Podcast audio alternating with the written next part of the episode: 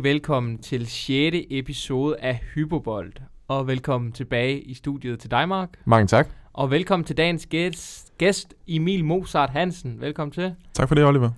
Det er i hvert fald også for dig, Mark. Lang tid siden, vi har siddet herinde. Det er et godt stykke tid siden, ja. Vi har tilladt os lige at holde en, en lidt længere juleferie, end, end måske først planlagt. Ja. Men øh, sådan blev det. Øhm, og lad mig gå i gang med at præsentere dig, Emil Hansen. Øh, du er 21 år gammel. Du er født og opvokset i Nordens Paris. Og øh, i området har du også dyrket, har du i hvert fald skrevet til mig, stort set alle sportsgrene uden større succes. Og derfor så øh, sidder du i dag her som journaliststuderende. Øhm, du er vært på Superligazonen og medvært på det coole, coole, Det coole hjørne, ja. det coole hjørne, som Røren tidligere gæst er vært på. Så det er helt øh, indavl, alt det her. øhm, ja, velkommen til igen. Tak skal du have. Øh, I dag skal vi fire emner igennem, som altid. Vi skal snakke om Inter Milano. Vi skal snakke Erland, Erland Haaland. Så skal vi snakke øh, VAR, som er ugens lytteremne indsendt af vores studiekammerat Anders Kofod. Og så til sidst, der runder vi dagen af med sådan en øh, opfølgning på det transfermarked, der lukkede i går. Jeg tænker også, at vi lige hurtigt skal undskylde til seerne, hvis de troede, at det var den hemmelige fodboldspiller, der kom i det Ja. her afsnit. Det er Emil ikke. Nej, Desværre ikke. men han kommer den Han kommer. uge, Og vi har fastlagt en dato. Og det er snart. Og det er rigtig snart.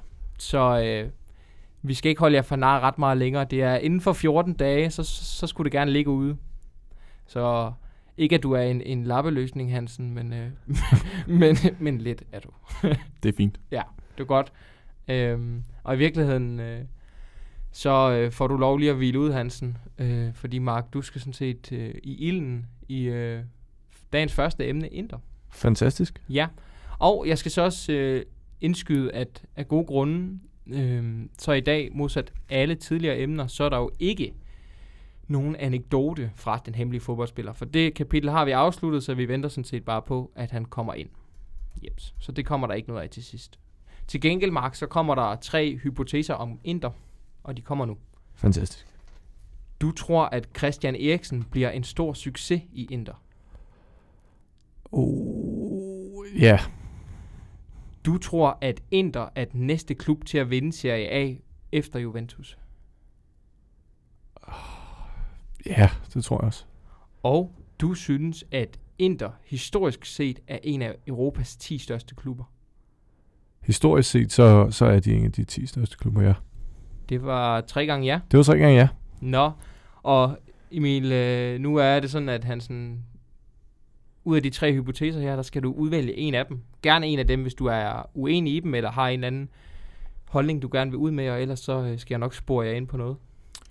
Ja, jeg vil faktisk sige, at øh, der er to, jeg, jeg er uenig med. Øh, den, jeg er enig med, det er, at Christian Eriksen bliver en succes. Det tror jeg, han gør. Øh, den, jeg vil tage fat i, det er nummer to. omkring, at du tror så ikke, at Inter bliver den næste klub til at vinde Serie A, hvis man ser bort fra Juventus. Nej, det, det tror jeg faktisk ikke. Øh, den italienske liga, den er, den er blevet utroligt tæt, og øh, der er virkelig mange øh, gode øh, hold om budet til at, øh, til at blive mestre. og øh, stadigvæk i den her sæson, jamen, der er det jo utroligt åbent i forhold til, hvem der, der bliver mestre her til sommer. Øhm, og jeg vil sige, Inter, jamen det er et godt bud til en, en efterfølger øh, af kongerne fra, fra Torino Juventus, men alligevel, jeg siger stadig klubber som, som Roma og, og Lazio være, være bedre end, end Milan lige nu, eller Inter Milan. Og Mark, hvad tænker du om det? Jamen, det var også lidt med for, forbehold, da jeg sagde, at det skulle være den næste, fordi jeg, jeg kan simpelthen ikke forestille mig en serie efterhånden, hvor Juventus ikke napper, napper titlen. Og så er det sådan lidt, som Emil er inde på, det er tæt felt, og jeg synes, at Inter, det de er ved at bygge op i år, ser rigtig lovende ud, men der er jo ingen, ingen hvad hedder det, øhm, hvad kan man sige, der, altså der er ikke noget, der sådan tyder på, at det skulle være lige så godt næste år. Altså, de kører på ni år uden at have vundet noget som helst nævneværdigt, og så ligger de rigtig nok nummer 2 med 48 point, og har lukket færre mål ind i Serie A, som det ser ud lige pt.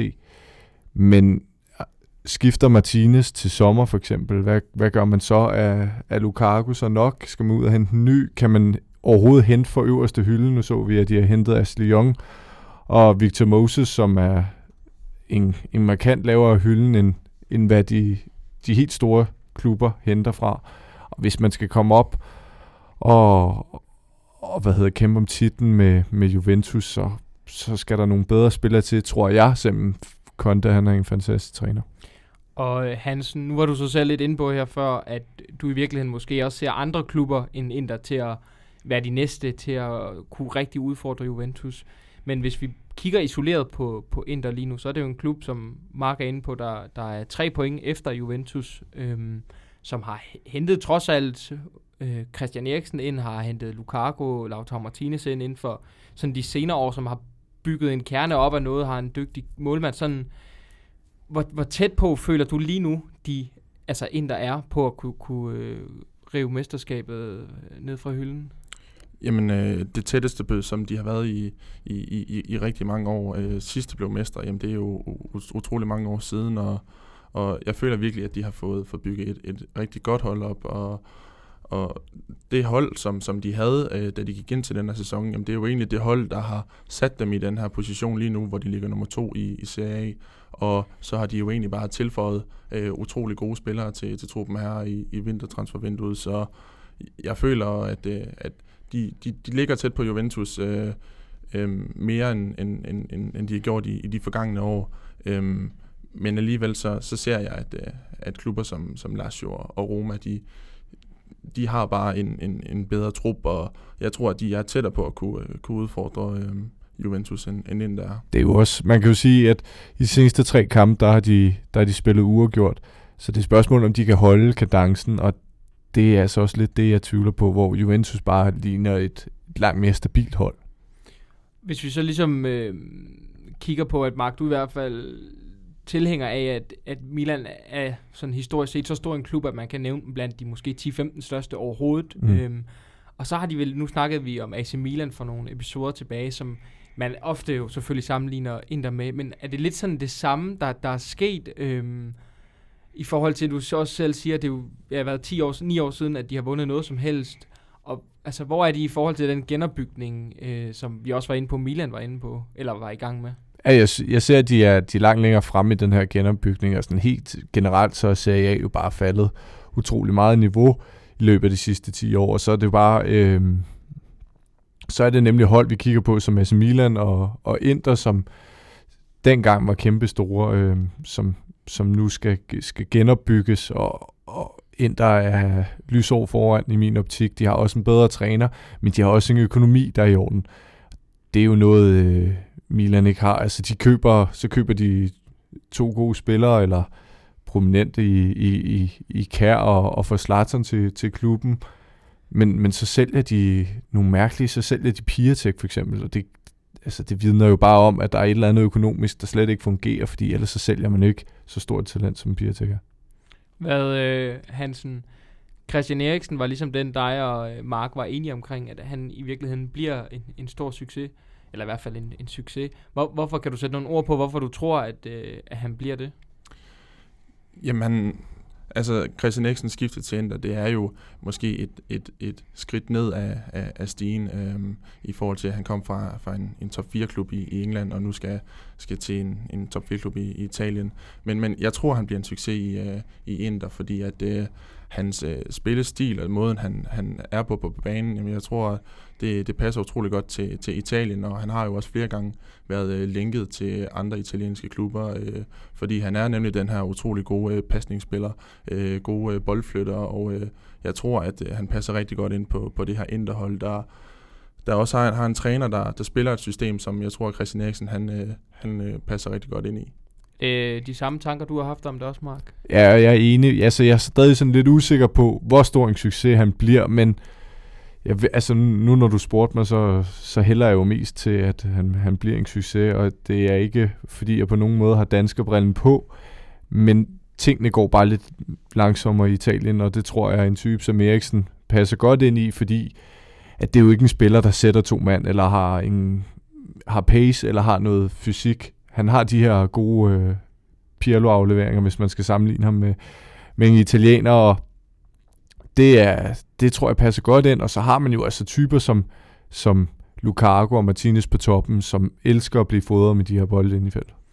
Så er det bare, øh, for i hvert fald om ikke andet for at give lidt et, modspil, det er, at Inter har i hvert fald ikke været Christian Eriksens første prioritet. Det kan vi alle sammen godt slå fast. Nej, det er vi enige om. Ja. Og så tænker jeg, at det i virkeligheden også ved at være måske et år, halvandet, nogen vil næsten mene mere, siden at han har været den spiller, som vi alle sammen gerne vil huske ham, og ønsker at identificere ham for, så har jeg det lidt sådan, er der ikke en reel sandsynlighed for, at han kommer måske uden at være så top, top motiveret, som han havde været i nogle andre klubber, samtidig med, at han kommer i en liga, der måske ikke passer ham allermest optimal, og med nogle holdkammerater, der ikke nødvendigvis rundt omkring ham gør ham bedre. Altså er der ikke en chance for, at han også kan gå hen og floppe, også fordi at han måske skal han være den helt store stjerne nu i en klub som Inter, øh, i hvert fald fuldstændig omdrejningspunkt, og det er ikke måske noget, han, han er så tryg ved. Jo, helt sikkert. Jeg har også set flere øh, italienske medier melde, at han skulle være den anden største spiller i, øh, i Serie A efter Cristiano Ronaldo, og det er jo noget af et omdømme og en, en status at, at leve op til, og der ved jeg ikke, hvor meget Eriksen han ligger i det her skifte, om han har det mentale med, om han er tilfreds med det her skifte. Altså det forestiller jeg mig alt andet lige, han er, og nu kommer han ned i et sted, hvor der også er, er varmt og, og godt vejr lidt, lidt længere tid, end der er i London.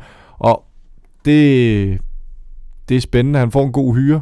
Øhm, altså jeg tror, jeg tror alt andet lige, han er tilfreds med, at han kom væk fra, fra Tottenham og skiftede så ikke blev til en eller anden sub øh, topklub i, i England for eksempel. Ja, og øh, hvis vi tager fat i det, som Olli også sagde, øh, det er lang tid siden, at vi har set Christian Eriksen øh, være i topform øh, for, for Tottenham. Øhm, og han er jo igennem årene også blevet linket med klubber som øh, Barcelona og, og Real Madrid. Øh, og skulle han til de her klubber, jamen det tror jeg, det vil være en alt for stor målfuld for ham. Øh, så kigger vi på Christian Eriksens nuværende form, jamen så, så synes jeg, at, det, at Inter, det, det passer meget godt til ham. Og så for at runde emnet med, med Inter herned, så lad mig lige sådan spørge, og egentlig omkring Christian Eriksen også, men tror I, at Inter bliver den sidste store klub, at Christian kommer til at øh, repræsentere, eller tror I, at Inter bliver et springbræt til det, til det sidste step, som han i nogle år har drømt om at tage? Jeg tror ikke, der kommer noget større. Så skulle det være, fordi han skulle være en eller anden bredde spiller, som man ser med sådan nogle spillere som, som Vidal og øh, Kevin Prince Boateng, og sådan nogle, som, som hvis karriere egentlig er afsluttet, men alligevel får et skift til, til Barcelona for, for begge de her to spillers vedkommende. På den måde, så kunne det jo godt være, at, at Eriksen på et tidspunkt ender, men det bliver ikke som en profil. Jeg tror faktisk godt, at øh, uh, Inter det kan være et uh, springbræt til, at han uh, senere hen kan, kan skifte til en af de større klubber. Uh, måske uh, en uh, Juventus uh, eller en FC Barcelona eller Real Madrid. Uh, men, men det kræver selvfølgelig også, at han fra start af uh, går ud og, og genfinder det her niveau, som, uh, som vi alle sammen kender Christian Eriksen for. Uh, han har jo stadigvæk alderen til, at han stadigvæk har et, et klubskifte i sig nu. Uh, så jo, men, men det, det kræver en indsats af ham. Det gør det godt nok og vi kan i virkeligheden kun gisne om, om noget, der er så langt frem i tiden. Så lad os øh, runde emnet af og gå videre til emne nummer to omkring den her norske komet Erland Haaland, øh, som igen også i dag har været bombet løs for Dortmund med to mål igen. Ja. ja. ja. Så, så vidt mig bekendt, hvad har han lavet? Syv mål i tre Bundesliga-kampe for Dortmund nu? Ja, syv mål i 103, 136 øh, minutter ja. for Dortmund. Ja, det er ikke så dårligt. Nej. Og øh, Hansen, det er dig, der skal i ilden. Er du klar til at få tre hypoteser? Jeg er topklar. Det er godt, de kommer her. Du tror, at Erling Haaland har vundet Ballon d'Or, inden han er fyldt 25? Ja. Du har svært ved at finde ud af, hvad der gør Haaland så god? Nej. Og du er endnu ikke overbevist om, at Erling Haaland kan fastholde sit niveau i de kommende år? Jo. Godt. Mark? Ja, jeg er sådan lidt øh, usikker omkring to, fordi... Men lad os tage fat i, i Ballon d'Or, men jeg synes også, at man godt kan stille spørgsmålstegn ved, om niveauet kan holde, fordi så, så forfærdeligt god. Altså, han har været god, men det er altså over en periode på et halvt år. Uh, han har været rigtig, rigtig dygtig. Så øhm, jeg er, uenig i begge to, så må du egentlig vælge, hvilken en vi skal tage fat i. Okay, jamen så lad os bare kigge lidt på øh, den første her omkring Ballon d'Or. Det er ikke fordi, vi skal hæfte os så meget ved det her med, om han er fyldt 25 eller, eller 26. Mm. Det er mere det her perspektiv øh, i, fordi der er jo ikke nogen tvivl om, at lige nu, altså lige lige nu, der må han jo være, om ikke verden, så verdens blandt aller, aller bedste og mest eksponerede øh, fodboldspillere. Øh, men jeg kunne godt tænke mig, at hvis vi fik nogle briller på, der gav sådan et lidt større måle, sådan stoksforhold til, hvis vi bare kigger sæsonen ud, hvad, hvad kan vi så tillade os at forvente øh, af ham? Jamen, øh, først og fremmest, så synes jeg, at, øh, at skiftet til Dortmund, det er et, øh, et klogt skifte, og, og det er et rigtig godt skifte for Erling Haaland. Øhm, han var jo også sat i forbindelse med, med endnu større klubber end Borussia Dortmund, øh, men jeg synes, det er det helt rigtige valg. Øh, Dortmund, de er jo kendt for at, at satse på de her unge spillere, og øh, der har han jo allerede vist nu i, i de to kampe, han har fået, at, øh, at han passer rigtig godt ind. Så jo, det, jeg er meget optimistisk i forhold til hans, øh, hans øh, sæson her og, og fremadrettet også. Altså jeg hæfter mig stadig ved, at han har spillet en, en halv god sæson.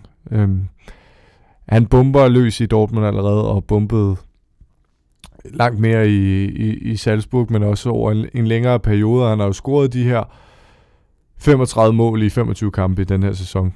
Og det er fuldstændig vanvittigt. Men når man, når man ser på det, så er det, det foregår meget af det i den østrigske række, og man kan jo ikke sætte spørgsmålstegn ved hans start i den tyske. Men spørgsmålet er, om han lever på den her selvtillid, han har nu. Ekstreme selvtillid og ekstreme eksponering, han får for hele verden, og han ønsker at vise sig frem. Fordi man, altså, der er ikke nogen tvivl om hans kvaliteter, men vi ser også, at, at det lige pludselig kan gå nedad med, med hans form. Og altså, det er ikke for at sige, at han ikke bliver en verdensklassespiller, for det tror jeg.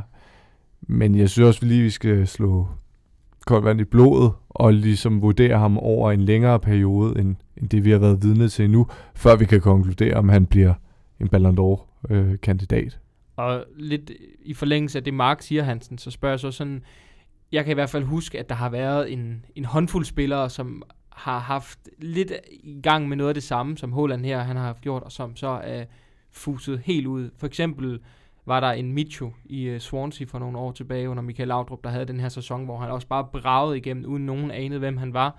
Og så hvad var det to og en halv sæson senere, så spillede han i den tredje bedste spanske række øh, og indstillede karrieren kort efter kan du ikke se for dig et scenarie, hvor at lige nu der er både et, et pres, der hober sig op, og at virkeligheden så bare måske bliver noget lidt andet, hvis han får en skade eller en formkrise? Jo, helt sikkert. Øh, og det ved vi jo, altså det kan ikke undgås, at, øh, at de kommer. Øh, og øh, så er spørgsmålet jo bare, øh, hvordan øh, han øh, håndterer det, og, og, og hvor slemt det bliver for, for Erling Haaland. Men, øh, men øh, lige nu så rider han jo selvfølgelig på en, øh, en bølge, og øh, han har jo vist øh, international klasse, også i Champions League, hvor han har lavet øh, otte mål og øh, har scoret i, i fem øh, kampe i træk. Og jeg synes virkelig, at, øh, at han er en, en, en, en klassespiller, men, men jo, løber han ind i skader, løber han ind i... Øh, i, i nedadgående formkurve, så er det jo klart, så, så venter der jo nogle udfordringer for ham, og så er det jo spændende, hvordan han øh, kommer til at takle dem. Og øh, så lad mig kigge lidt på øh, hypotese 2, fordi jeg tog den egentlig med, fordi jeg selv er enormt meget i tvivl om det her med, hvad der egentlig gør, at han er så dygtig. Øhm, og jeg ved godt, der er nogle spillere, som man bare per definition ikke helt kan give en spidskompetence, men kan I prøve at sætte nogle ord på, hvorfor er han i, som Mark sagde, hvad, har lavet 35 mål i 25 kampe ja. i den her sæson? Altså han er enormt fysisk stærk. Han er lidt den her gamle nier, vi kender. En, en type som, som Lewandowski. Men så har han en enorm hurtighed også. Altså han spurter jo forbi. Øhm, men hans største kompetence eller egenskab, det er jo hans målnæs. Altså hvis man kigger på de tab han laver, de er... Altså han ser spillet langt før nogle andre og forsvarsspilleren gør. Og hvis du kigger på hans mål i, i dag, Altså han rykker sig hen til den position, hvor han scorer flere sekunder inden selve afleveringen kommer. Det, er, det, ser, det, det ser vildt ud, når man, når man lægger mærke til hans bevægelser. Og det tror jeg, det er hans største egenskab. Det er også grunden til, at han laver så mange mål, som han gør. Ja, og, og den her type angriber, han er med, at han er, han er høj, og han har noget fysik, og han kan bevæge sig hurtigt, jamen det er jo en angriber, der er blevet utrolig attraktiv i, øh, i europæisk fodbold øh, i løbet af de sidste par år, øh, fordi det er sjældent, man ser, at, øh, at høje, øh, muskuløse fodboldspillere, de også kan bevæge sig hurtigt, men det er jo lige præcis det, som, som Holland han kan, og han er bare en, en vaskeægte fox in the box. Altså han står altid øh, på det rigtige sted, og, og han står klar ind i boksen, når, når der kommer en bold ind, og, og som Mark siger, så har han en, en, en vanvittig målnæse, fordi han, han ved bare, hvor målet det står, så jo, det er, det er en klassespiller, det er det. Men det er jo lidt en underlig handel, han har, han har lavet med, med Dortmund, fordi der er jo blevet, lavet, der er blevet skrevet en frikøbsklausul. Men den her frikøbsklausul, den bliver først aktiveret i sommeren 2022. Det vil sige, og den lyder på 560 millioner, det er godt afsløre nu, det kunne de allerede. Altså hvis de satte ham til salg, øhm, lige efter de havde købt ham, og han har scoret de her mål, så kunne de måske godt have fået det for ham. Øhm, så jeg tror også, at Dortmund, de er jo, de er ude efter at spille ham så god, at de kan sælge ham, inden den her frikøbsklausul, den aktiveres. For lige så snart den bliver aktiveret, så er han solgt på stedet. Okay. Øhm, nu har vi kort været inde på lidt, hvad, hvad der ligesom skal ske med ham. Øhm, og han har, det eneste, han i virkeligheden næsten har til gode, det er, at han ikke helt har slået igennem for det norske A-landshold endnu. Jeg så også lige nogle statistikker, hvor han også bare smadrer mål ind for de her uhold. Mm. Øhm, mm. Og hvis han så, hvis vi på hans vegne skal måske skal kigge et år frem, eller halvandet år frem, hvad er så ligesom de næste step, han skal tage? Nu har han øh, i virkeligheden allerede gruppespillet smadret mål ind i Champions League, og sådan, hvordan ligger han på nu? Ja, man kunne starte med at blive topscorer i Bundesligaen. Det, det, kunne være, det kunne være fint. Øhm, også skal ære, hvis det overhovedet er muligt. Altså, hvis man kigger på de nuværende statistikker, så har han jo allerede rykket sig ind i top 10 øhm, i Bundesligaen. En del 10. plads, vel at mærke, jeg tror, det ligger 7 eller sådan noget. Og, og det er i sig selv vanvittigt flot. Men hvis han nu næste sæson, den her sæson allerede kunne gå op og udfordre, jeg tror, jeg tror ikke, at han når den, men hvis han kunne komme op og udfordre, så har vi lagt på allerede der. Og øhm, er lidt i tvivl om... Øhm, nu øh, jeg er lidt i tvivl om de der regler i forhold til Champions League. Er de ikke blevet sløjfet, så han godt må spille for Dortmund? Selvom... Øh, det er jeg ikke klar over. Nej. Det, jeg, jeg er også i tvivl. Jeg tror, jeg tror, de er blevet sløjfet i år. Øhm, fordi tidligere har man jo ikke måttet spille Champions League.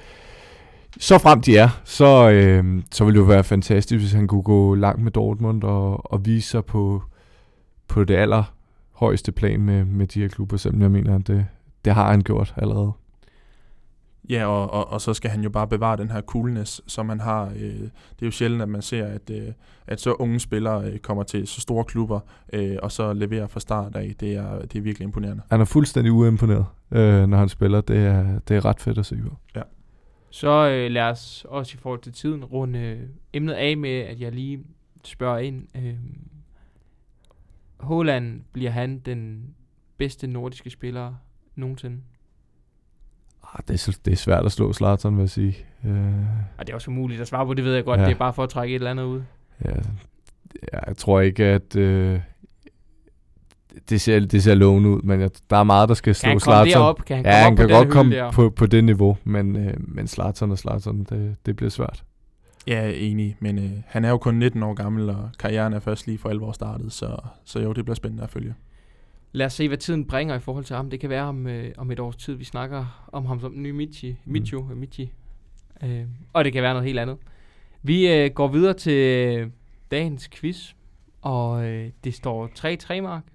Nej. Nej. Jo, det gør det. Gør det? Ja, det er godt. Det er Fordi godt. Ja. Øh, du nåede lige at få to. Ja. Jeg skulle lige til at sige, at jeg kom foran. Det gjorde ja, jeg ikke. Det kan du nu. Det kan jeg godt. Og øh, hvis, jeg, hvis I har set øh, oplevet, at jeg var lidt øh, fraværende lige før, så er det fordi, Mark, at du øh, ubevidst lige svarede på et spørgsmål ja. i quizzen. så jeg skulle lige ind og, øh, og rode lidt i forhold til at finde noget, øh, vi kunne bruge stedet for.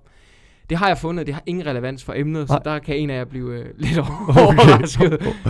øh, men det tager vi, når det er. Ja. Det er øh, foregår sådan, Hansen, at øh, der er et spørgsmål inden for hvert emne, og i dagens udgave, så er det ikke altid, at emnet er lige med et spørgsmål inden for emnet. Øh, det, de matcher ikke hinanden så godt øh, i dag. Men Spændende. i hvert fald, så må du vælge som gæsten, om du vil vælge det første spørgsmål og det sidste, eller om du vil have de to i midten. Jeg vil gerne have de to i midten. De to i midten, så den bliver lagt over på dig, Mark. Du skal starte. Med etter? Nej, du må selv vælge. Nu har du prøvet det her mange gange. Nå, og hvad er den sidste? Jamen altså, du må jo vælge mellem alle fire. Okay. som, Hva- du, som har Hvad, du hvad, hvad, var, hvad var det så, du sagde til Emil? Du måtte vælge mellem den altså, første må, og sidste? Ja, nej, ja, han må vælge, om han vil have det første og det sidste spørgsmål, eller de to i midten. Ja. Og så kan du vælge, du har så fået det første og det sidste, så nu må du vælge kategorien, som du skal have et spørgsmål i. Nå, på den måde på Så arbejdsmodellen. de Ja, ja, jamen, jeg blev fuldstændig, øh, fuldstændig forvirret. Jamen, så vil jeg, øh, så vil jeg gerne vælge transfervinduet som den første. Okay. Øhm, ja, så skal jeg finde spørgsmålet til dig. Du skal nævne tre ud af de fem spillere, der blev handlet for de største summer i dette transfervindue. Rækkefølgen er ligegyldig, og det er ifølge The Guardian. Så de tre, spil, tre spillere ud af de fem største transfers. Ja, økonomisk største, og det er Ja. ja. alle øh, ligaer igennem, men at transfervinduet er defineret lukket, så alle de der åbne vinduer og sådan noget. Kan jeg, t- kan jeg, har jeg en buffer? Har jeg, Ja, kan du jeg, skal nævne øh, tre ud af de fem på fire bud. okay, på fire bud. Ja. Jamen, øh, Bruno Fernandes, fordi han var den største. Ja, korrekt. Så er der Bergvin i, i Tottenham. Ja, han øh, sniger sig lige præcis ind på øh, en femteplads På en femte plads. Ja. på et fee på 25 millioner. Så er der ham der... Jeg vil godt hjælpe dig en lille Ja. smule øh, og sige, at du skal tage forbehold for, at man kan øh, hvad hedder sådan noget, udløse en option på en lejeaftale. Den, så, så, kommer, så bliver handlen automatisk nu. Hvis du vælger at opkøbe noget, en du har lejet, der har du nemlig en på listen. Hvis du har lejet en spiller, og du så vælger at gøre brug af købsklausulen før tid, så tæller det fra nu, det her vindue. Ja. Nå. Ja, hvem kunne det være? Der er ham der Sabata for Atalanta, han blev i hvert fald solgt. Men om han blev solgt for så, så meget, det ved jeg ikke. Men jeg har tre. Der er ham for, der er ham, øh, ham for Juventus, Kushneski. Han blev, han blev, øh, Jeg tror, du har fat i den rigtige spiller. ja, det tror jeg også. Han, han, han, det er hedder, simpelthen for dårligt udtalt. han hedder Kunevski. Nej, den, den går Ku- ikke. Det er simpelthen ku- for langt. nej. Nej, Mark, det er for Jeg langt prøver- fra. Ku, Kusevski. en højre ving for... Hvis du kan sige, hvor han kom fra, inden han røg til Juve nu, så, så går den. Så kan jeg, skal jeg nok sige det rigtige. Det kan jeg ikke. Nej. Det kan jeg ikke. Så, så det er altså ikke rigtigt, det du. Det er ikke rigtigt. Nej, det, det, det er, det, du nærmede dig, men det er altså ikke rigtigt. Okay. Så den går ikke. Så nu skal Nå. du sådan set finde en på en. Ja. Og Men det er, også, det er også lidt det, du, du overrasker mig med, at du siger top 5, og så siger du, at Bergvin er råd i, i top 5. Det er jeg ikke helt enig med. Altså, er du Altså, ikke jeg, enig? jeg, jeg er enig, men jeg, han er ikke den femte plads. Han er højere op. Fordi han blev solgt for 30 millioner, og Piatek blev solgt for 27. Det vil sige, at Piatek må være under, men Piatek er 100% i top 5. Altså, øh, det, det vi går ud fra, her Ja. Tolstrup, det, det er The Guardian, Ja. som vi stoler meget på. Ja. Og, øh, og, og der, der, de tal, du fremgiver nu, der er ikke nogen af dem, der er rigtige. Der blev Bergwijn solgt for 25, og Piatek for 22,8. Nå. Så, Ja, men okay. Okay. Jamen, så er der ham her... Så er der ham her, Reinier. Reinier for Real Madrid. Og han ligger også på, på højt. Spørgsmålet er, om han ligger inden for den. Men det bliver mit bud. Fordi ellers så vil jeg sige Piatek, men, øh, men han er altså blevet... Jeg siger ham her, Reinier. Han og, er og den er god nok. Den er købt fantastisk. Reiner Jesus, eller Jesus, fra øh, Flamengo til Real Madrid for, på et fee for 25,6 millioner. Det er voldsomt. Ja. Ung Og talent. Øh, Hansen, du sidder med fingrene op. Er det fordi, du kan, øh, kan noget her, eller hvad? Jeg tror, den ene, du fiskede efter, det var øh, Lo Celso fra Gio- Spurs. Giovanni Lo Celso, han er fuldstændig korrekt nummer to på listen. Hvorfor er han det? Fordi at uh, Tottenham, de uh, udløste hans uh, klausul, og dermed så skulle de betale fiet allerede nu. Kan vi, kan, må jeg få din udtale af Kysneski? Ja, Kulusevski. Kulusevski. Dejan Kulusevski. Det, og så det var ikke rigtigt, det du Ja, sagde. okay. Men du har point, Ja, alt er ja. godt, Ja, og vi vinder Ja, nu, Mark, ja, vi er... indtil videre. Ja, okay, men så er det Lo Celso, der snyder mig, fordi så ligger Piatek nummer 6. Ja, Men det den- gør han også. Piatek øh, er nummer 6 på listen. Okay. Vi er venner igen. Ja, det er godt. Og Hansen, der er lidt pres på nu. Ja, hold da op. Og øh, og lidt afhængig af, hvad du vælger nu, så får du et, et, nogle, nogle lidt mærkelige spørgsmål. Men det, det skal du bare være klar på. Jeg springer ud i det. Hvad vælger du? Jeg vælger Inter Milano. Du vælger Inter Milano. Ja, og det er ikke så mærkeligt et spørgsmål, men det er en lille smule svært. Nu skal du lytte her. Inter har haft mange svingende sæsoner, siden de for snart 10 år siden sidst vandt et mesterskab. Men hvordan er det egentlig gået de sidste 5 år? Du skal give den samlede sum af placeringer, klubben har fået de seneste 5 sæsoner, hvor den nuværende tæller med.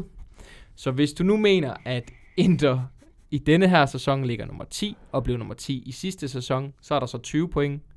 Og så skal du så for de seneste 5 sæsoner lægge sammen, og så skal du komme med et samlet svar.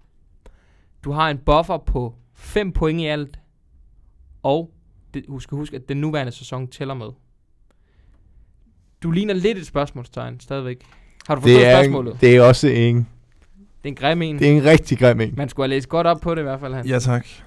Og forstår du spørgsmålet? Ellers så ridser jeg det gerne lige op igen. Ja, jeg skal øh, for de sidste fem sæsoner øh, gætte, øh, hvor Inders placering. deres placering Og er. hver gang de har fået en placering, hvis de er blevet nummer 5, så det år, så er det ligesom 5 point, de fik for det år. Det gør du ved alle de fem sæsoner, og så lægger du ligesom den sum sammen, og så der har du et endeligt tal, og det er så det, der bliver dit samlede svar. Og øh, den seneste sæson er så ligesom en af sæsonerne, den vi er i gang med nu. Ja, tak. Og så må du gerne tænke højt, Okay. Jamen, øh, sidste sæson... og lommeregneren må du også godt tage frem, hvis lige er. Ja, tak. Sidste sæson, øh, der vandt øh, Juve, og det har de jo gjort i løbet af, af de sidste mange år. Øhm, men det er et stykke tid siden, at de har været helt oppe og, og rode med noget medaljeværk, er jeg ret sikker på. Jeg tror, sidste år, det har højst sandsynligt været en femte eller fjerde plads. Fordi Roma, de har været gode i nogle sæsoner, og de har været øh, oppe på pres Juventus. Og så har Lazio også øh, lagt øh, rimelig højt. Jeg skyder på, at øh, i sidste sæson, Jamen, hvad tænker du om den her først, så kan du få den. Hvad ligger de nu? ja lige nu ligger de nummer to. Så, så, og så, så sidste sæson, hvad siger du så? Der øh, sætter jeg ind der ind på en, øh, en fjerdeplads. Så er der så 6 point. Så mangler du så de tre sæsoner før det. Nui. Hold da fast. Den fortryder du lidt, du tog den der. Ja. Så siger jeg, at i sæsonen 17-18, der fik de endnu en fjerdeplads. Så er vi på 10. Korrekt. Eller korrekt, at vi er på 10. så er det de to foregående, du lige skal have lappet sammen, Hansen, i en, i en OK fart. Ja, Jamen, de har jo haft problemer, og det, øh, det minder jo lidt om, om, om det Milan øh, har været ude i. Øh, men nu er Inter bare lidt øh, genopstået for de døde. Øhm, og de har været nede og rode øh, længere nede i tabellen. Så jeg siger, at, øh, at de sæsonen inden fik, Som er 16-17. Ja, der fik de en syvende plads. Og så mangler du, så er du på 17 point, så mangler du 15-16 sæsonen. I 15-16, puha, det er et godt spørgsmål. Det er godt nok øh, nogle år tilbage. Det er det også. Men Havde han en buffer? Nej, bare på 5. Hold da op. Ja, ja, så inden du gik helt i panik på hans vegne. Ja. Nå, nu var det ikke så Ja, slemt. så. så kan du skyde meget forbi.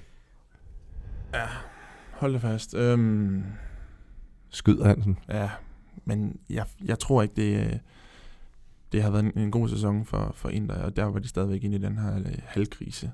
Øhm, så jeg, jeg skyder på en, en 8. plads. Nu skal du høre, i sæsonen, den nuværende sæson, så nu skal vi lige ligge 25. 25. Ja. Nuværende sæson ligger de nummer 2 korrekt. Sidste sæson blev de nummer 4 korrekt. Sæson 17-18 blev de nummer 4 korrekt. Sæson 16-17 blev de nummer 7 korrekt. og sæson 15-16 blev de nummer 4 Øj. Men du klarer kottet med to, så Vanvittigt. du, er- den er hjemme. Det er flot. fast. Ja, Det er Stærkt. flot. stærkt. Du rammer syvende pladsen der. Ja. Ja. Vanvittigt. Nå, det er dig igen. Så står der 1-1. Ja, tak. Øhm, og jeg har jo været meget, jeg vil ikke sige nervøs, men øh, noget bekymret for den her var-kategori, så den tror jeg, jeg springer øh, let og elegant øh, udenom. Så jeg napper en øh, Erling Haaland. Ja, og det, det var den, der var spørgsmålet, hvor mange mål Haaland i den her sæson havde lavet i de 25 kampe, han har spillet, og det fik Mark så fint svaret tidligere på, at det er 35. Yes. Så jeg tænker, Mark, du bare giver pointet til Hansen. Du, du, nu har du jo røbet, at der kommer et spørgsmål, der overhovedet ikke handler om øh, Håland. Så nu får du et eller andet Ja. om, hvor mange mål Burundi scorede i 15. Vi er ude i en øh, kategori, som hedder Hvem er jeg? Lidt ligesom øh, fodboldquizzen med Kian Fornuti. Øhm, så nu lister jeg nogle ting op omkring en spiller, og så skal du gætte, hvilken spiller det er, jeg snakker om. Okay? Okay, så det er ikke Erling Haaland. Øh, det vil jeg ikke afsløre, men formentlig ikke. Spændende. Nu kommer jeg i hvert fald her. Jeg er dansk, 38 år gammel og har 27 A-landskampe med et mål til følge. Jeg har spillet 90 kampe i æresdivisionen og 87 i Superligaen, blandt andet for OB. Udover Holland, så har jeg også været i Schweiz, hvor jeg både har spillet i den bedste række og den fjerde bedste række. Jeg lagde støvlerne på hylden i 2015. Okay. Og jeg vil gerne øh, gennemgå det igen, hvis øh, ja, tak. Øh, I forhold til landsholdet, øh, hvor meget havde han? Øh, Han har spillet 27 A-landskampe og har scoret et mål. Hold da fast. Okay. Han er 38 år gammel og lagde støvlerne på hylden i 2015. Han har spillet i Superligaen i Holland og i Schweiz. Hold da fast. Okay. Hmm, hmm, hmm. Hvor mange kampe har han spillet i Superligaen? Han har spillet 87. Det er jo ikke mange jo. Nej, det er ikke mange. Øhm, Nej, det er heller ikke helt rigtigt. Han har spillet øh, lidt flere. Øh, 115 har han spillet i Superligaen. okay. Men, Det er men lidt flere, men det er ikke mange. det er ikke mange. Det er en, Det er ikke en øh, Superliga-legende. Nej. Nej, det er det godt nok ikke. Øhm, den er godt nok svær, den her. Men han er Jeg, kun... jeg, jeg har tilladt mig lige at, at give dig en, en lille hjælp, der hedder, at han øh, blandt andet har repræsenteret OB. Okay. Ej, så... Det er meget hjælp til en kæmpe ja, men, OB-fan. Men, men det er ikke, det er ikke, det, du må ikke hæfte dig for meget i det. Åh, oh, nu bliver der virkelig givet ud af godt posten derovre. Skal du bruge lidt flere ledetråd over, så Men jeg er sikker på, at Oliver han her... 115 kampe i Superligaen, det er godt nok ikke meget. Og de OB-legender, jeg kigger på nu, jamen det er nogen, der har spillet rigtig, rigtig mange kampe. Og der, det skal du ikke kigge. Du skal ikke kigge den vej. Nej. Nu øh, Ja. siger jeg, ramser det op, så får du lidt minuts tid, og så skal vi have et bud i den ene eller den anden vej. Ja, tak.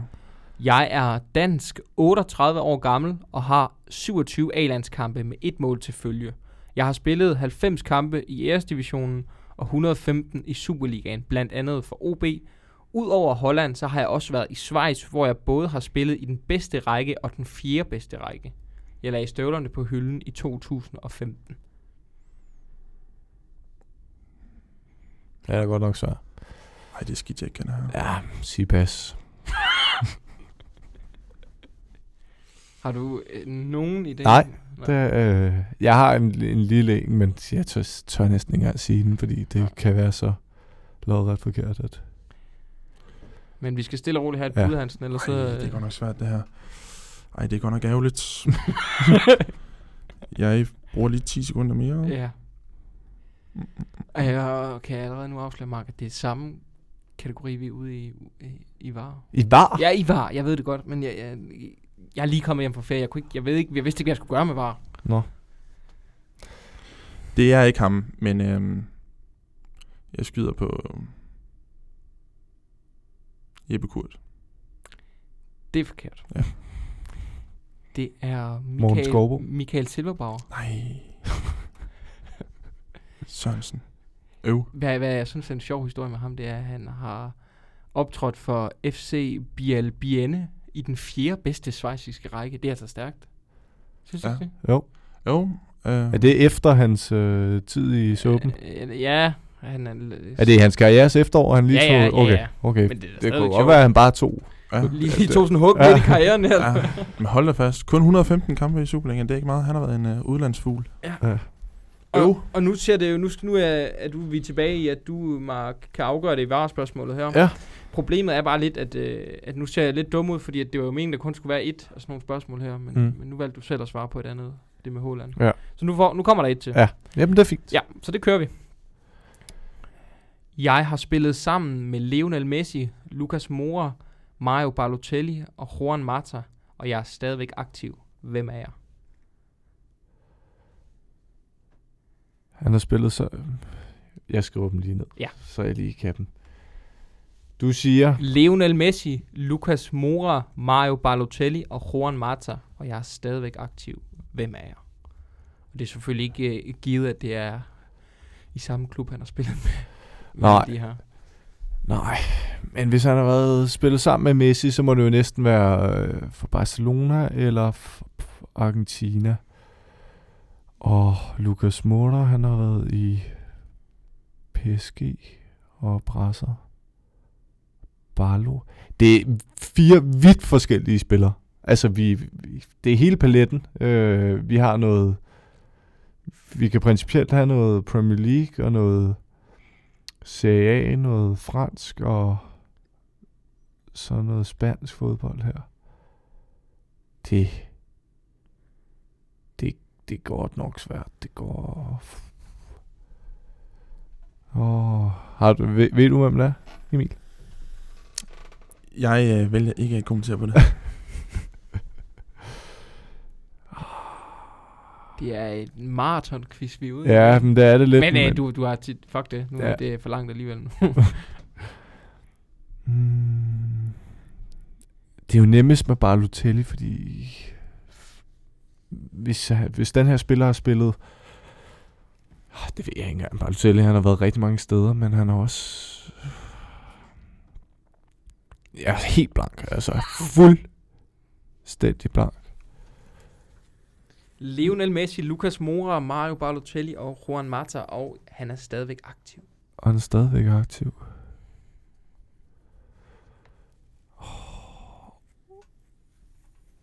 Nej, nej, nej, nej, nej, nej.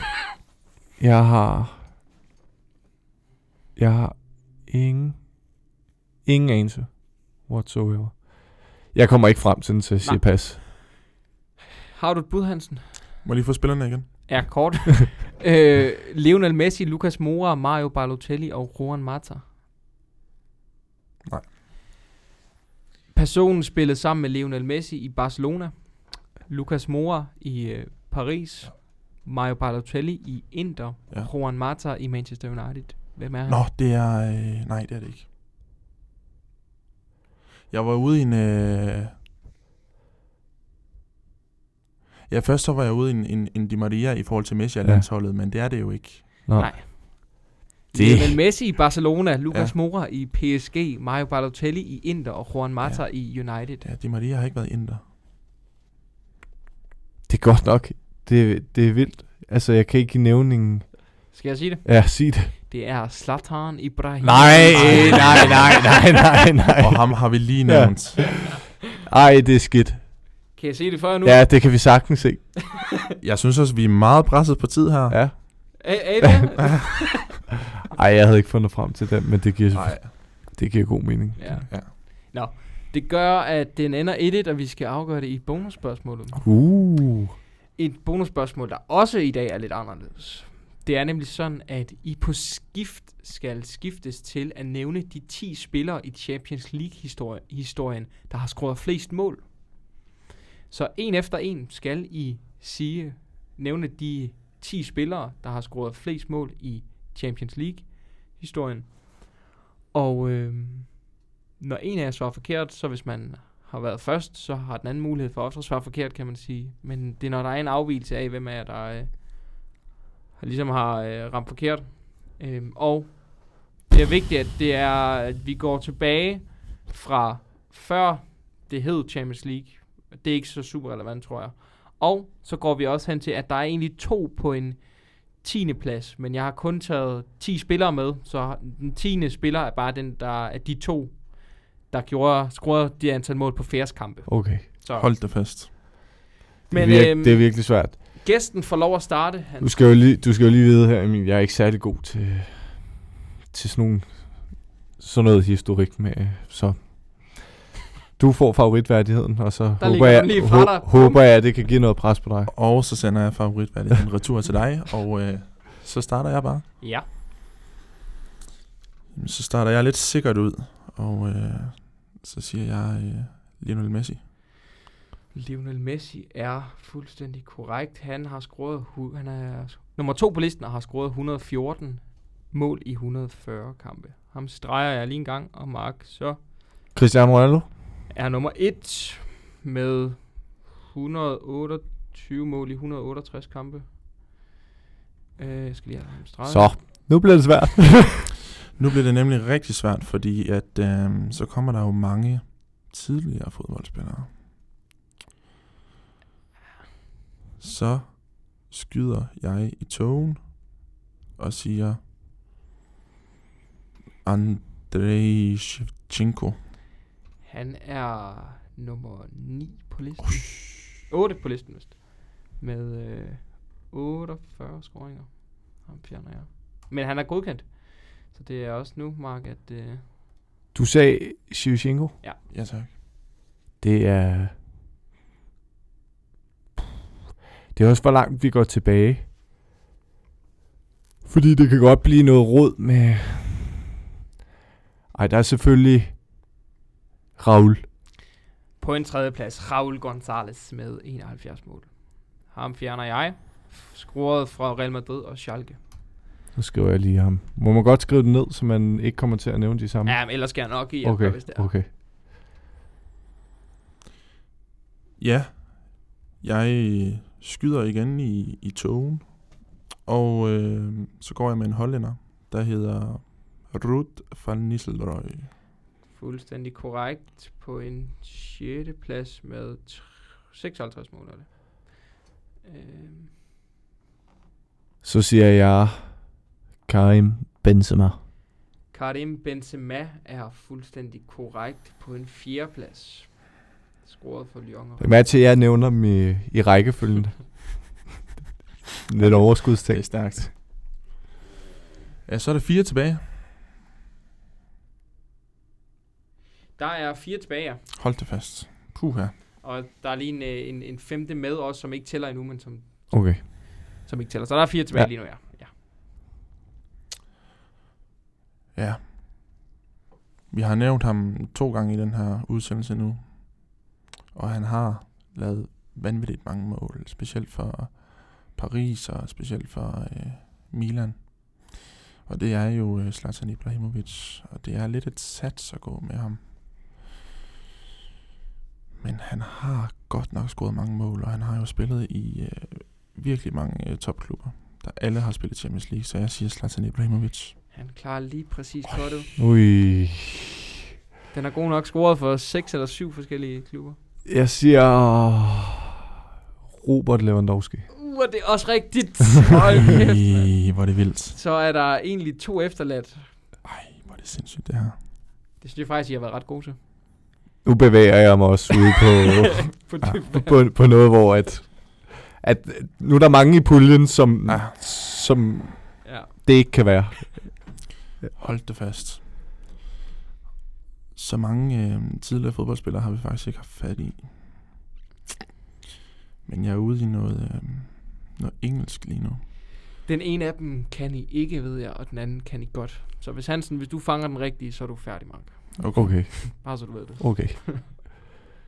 Øhm, Ja, det kan også være, du ved det. legenden øh, Lineker, han, øh, Uh. han var jo også kendt for at lave mange mål.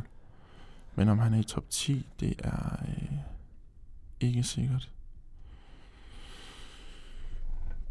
Hmm, nu skal jeg tænke mig om. Så har vi jo en... Jeg ved ikke, hvorfor jeg får Aguero op at vende, men han har virkelig også scoret mange mål. Men det er måske ikke i Champions League, han har lavet af de fleste. Og så er der jo en Fernando Torres, han havde jo også mange. Jeg går med min første indskydelse, og det er, jeg tror han hedder Gary Lineker. Det er forkert. Okay.